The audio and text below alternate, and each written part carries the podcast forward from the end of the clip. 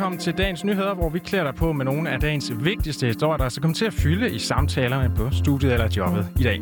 Vi skal til USA, hvor det amerikanske retssystem indleder en sag mod den mand, der altså sad med sit knæ placeret på George Floyds hals sidste år. Og så skal vi også forbi det danske herrelandsholdbold i fodbold, sætte nærmere på deres påklædning fra gårdsdagens kvalifikationskamp. Og til sidst så skal vi altså også runde dagens avisforside. Din hverdag i dag, det er mig. Mit navn er Ola Vestergaard, og så har jeg Julie Vestergaard ved min side. Velkommen til. Godmorgen til dig, Julie. Godmorgen, Olav. Og vi starter altså den her udsendelse med en uh, tur til USA, hvor en stor og meget omtalt retssag den i dag bliver indledt. Den rejser som retssag mod den 44-årige politimand Derek Chauvin, som er tiltalt for drabet på George Floyd sidste år i forbindelse med en anholdelse. Og det var altså den her sag, der satte gang i nogle ret så omfattende protester i USA og også verden over, som altså gik på politivold og racisme. Vores kollega Anna Søjberg, hun fortæller nærmere om, hvad der så skete den dag i maj sidste år. This morning, a man is dead after being arrested by Minneapolis police, and video has emerged online with many people upset about how officers handled the situation. right now. I want to watch that call too, so I can't breathe, lød det fra amerikanske George Floyd, da en politibetjent pressede sit knæ direkte imod hans hals i næsten 9 minutter. Den 25. maj sidste år var politiet blevet tilkaldt efter, at George Floyd angiveligt forsøgte at betale med en falsk 20-dollarseddel i en kiosk. En 17-årig pige fra Minneapolis filmede de skældsættende 8 minutter og 46 sekunder, der endte med at forårsage George Floyds død. Videooptagelsen blev set mere end 50 millioner gange over hele verden og sat gang i massiv, månedlange demonstrationer og protester i USA mod politivold og racemæssig ulighed hen over sidste sommer. Det var nogle af de største demonstrationer, USA har oplevet i årtier. Black Lives Matter-bevægelsen var toneangivende under protesterne, og den fik mange udløbere i andre lande, også herhjemme. Og i dag bliver alles øjne igen rettet mod Minneapolis og politibetjenten Derek Chauvin, der holdt sit knæ mod George Floyds hals. Ja, og det er altså i dag, at retssagen her, den i begynder i Minneapolis mod netop politibetjent David Chauvin, og han har altså i 19 år været ansat i politikorpset i byen, og han står nu tiltalt for drab, men han er altså også blevet afskedet fra det politikorps, sammen med tre andre betjenter, han står altså op til 40 års fængsel, hvis han altså bliver fundet skyldig i tiltalen.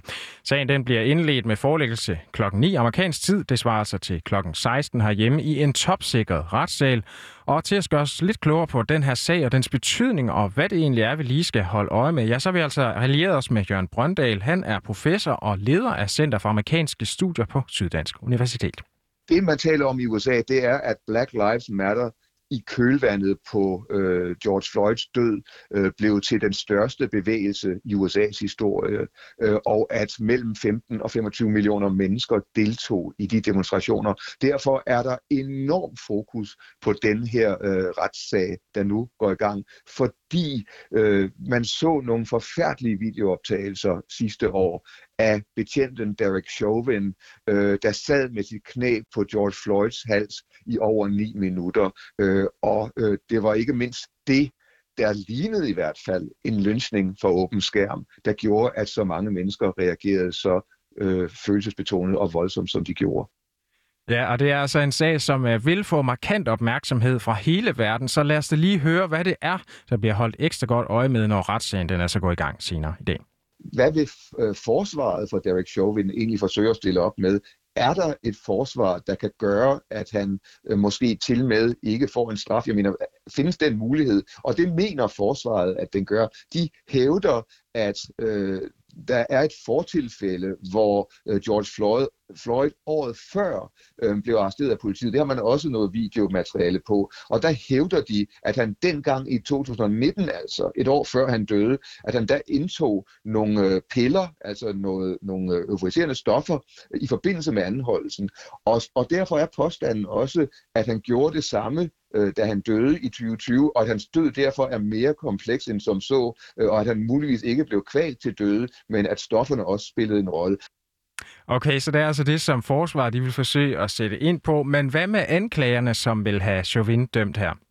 der taler man allerede om, at, at det man ser her, det er det sædvanlige mønster med, at når en afroamerikaner er død, så forsøger man efter han er død altid med et karaktermord på, på, på dødsofferet. Så altså, øh, bølgerne kan godt komme til at gå højt. Ja, det kommer de nok også i den grad til, og det gjorde de altså også øh, sidste år i forbindelse med de her protester. Lad os lige høre, hvor meget selve racespørgsmålet det kommer til at fylde i retssagen. Det ved vi simpelthen ikke endnu, øhm, fordi altså, øh, meget af sagen kommer til at være af en teknisk karakter formodentlig, og kommer til at handle om, hvordan øh, George Floyd rent faktisk døde. Der, der er blevet øh, foretaget to obduktionsrapporter, og de når begge to til en konklusion, der går ud på, at i et eller andet omfang, så øh, skyldes øh, George Floyds død, øh, at, at øh, han var under, altså at, at de har stressede forhold med arrestationen. Men den ene øh, obduktionsrapport, den officielle, taler ikke om kvælning, øh, men mere om stoffer i blodet og andre ting. Men alligevel, på trods af disse teknikaliteter, som er utrolig vigtige, så er det svært ikke at sætte den her retssag ind i en racesammenhæng. Og der er altså udpeget, udpeget 15 nævninge i sagen her. Retssagen den er altså sat til at vare omkring en måned.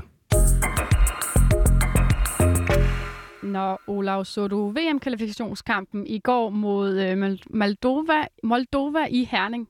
Uh, nej, det, det gjorde jeg faktisk ikke. Jeg, jeg går ikke super meget op i fodbold. Nej, det gør jeg heller ikke, men jeg vil sige, at jeg følte mig en lille smule tvangsindlagt til det derhjemme, og det var måske heller ikke kampen, der var sådan, så vigtig lige i den her sammenhæng, men mere fodboldspillernes påklædning. For kort før klokken 18 i går aftes, så gik det danske fodboldlandshold på banen i Herning forud for den her kamp mod Moldova, og det gjorde de i iført en speciel trøje under træningsdragten.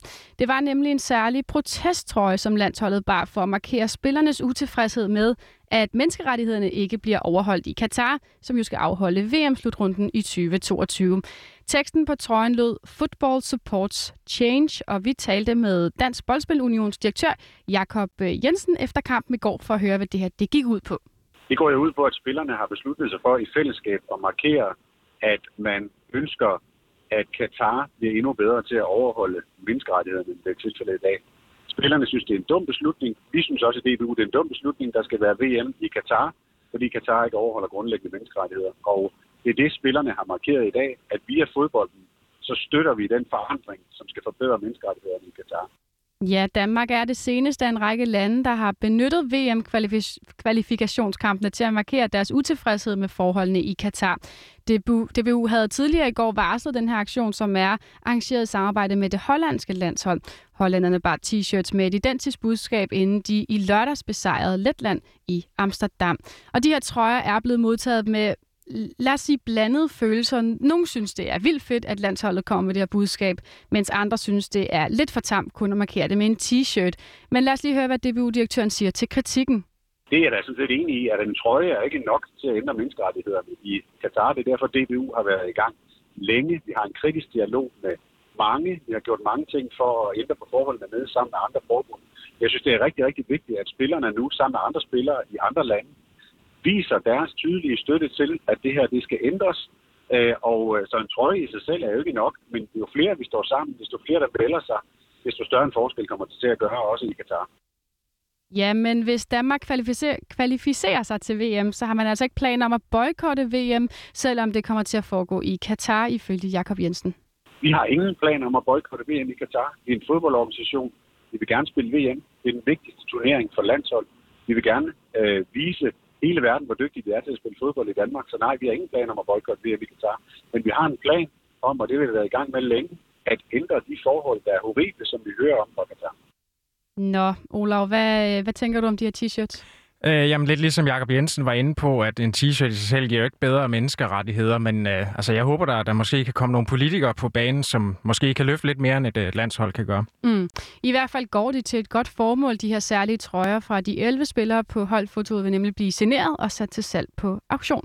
Trøjerne kan man købe, øh, og det øh, overskud, der måtte komme ud af det, det øh, vil vi via Amnesty finde ud af, hvordan vi kan få til at gøre den største forskel for migrantarbejderne og deres pårørende i Katar. Og her til sidst, så kan jeg som bonusinfo fortælle, at det danske herrelandshold altså vandt med svimlende 8-0 over Moldova. Og vi skal altså også lige runde dagens avisforsæder, og Jyllandsposten, det sætter altså fokus på de her senfølger og arbejdsskader, som corona har været skyld i mange steder. Det seneste år har 5.544 danskere altså meldt om en covid-19-relateret arbejdsskade til arbejdsmarkedets erhvervssikring. Og ud af de sager, som altså forløbig er blevet afgjort, der har stort set alle altså fået anerkendt covid-19 som en erhvervsskade, mens færre end fem har fået afslaget. Avisen har talt med sektionschef Eliane Hove fra Arbejdsmarkedets Erhvervssikring, og hun siger altså, at både antallet af anmeldte sager på en enkelt diagnose og anerkendelsesprocenten, den er meget forhold, høj i forhold til normalt, men det er så langt fra sikkert, at en anerkendelse den også fører til en godtgørelse. Og det var så Jyllandsposten, som havde den her historie. Hvad er der på forsiden hos øh, Politikken, Julie? Jamen, i politikken handler det om en sag, hvor tre betjente sidder på anklagebænken i retten i Horsens. De anklages for at misbruge deres stillinger for at forsøge at fremtvinge en tilståelse ved at bruge ulovlige midler. Og oven i det så viser lydoptagelser, Altså, at betjentene har kaldt tre unge mænd med anden etnisk baggrund for kakkelovnsrør. Men må politiet ikke det? Det og den her sag kan man altså blive lidt klogere på, hvis man læser politikken i dag. Ja, men det er så noget, vi vist til vejs ende i dagens nyheder, Ola. Det gjorde vi i hvert fald. Dagens program det var skruet sammen af Anna Søjberg, og der bliver altså brugt lyd fra Sky News og World is One News. Din hverdag i dag, det var mig. Mit navn er Ola Fornær og Julie Vestergaard. Tak fordi du lyttede med.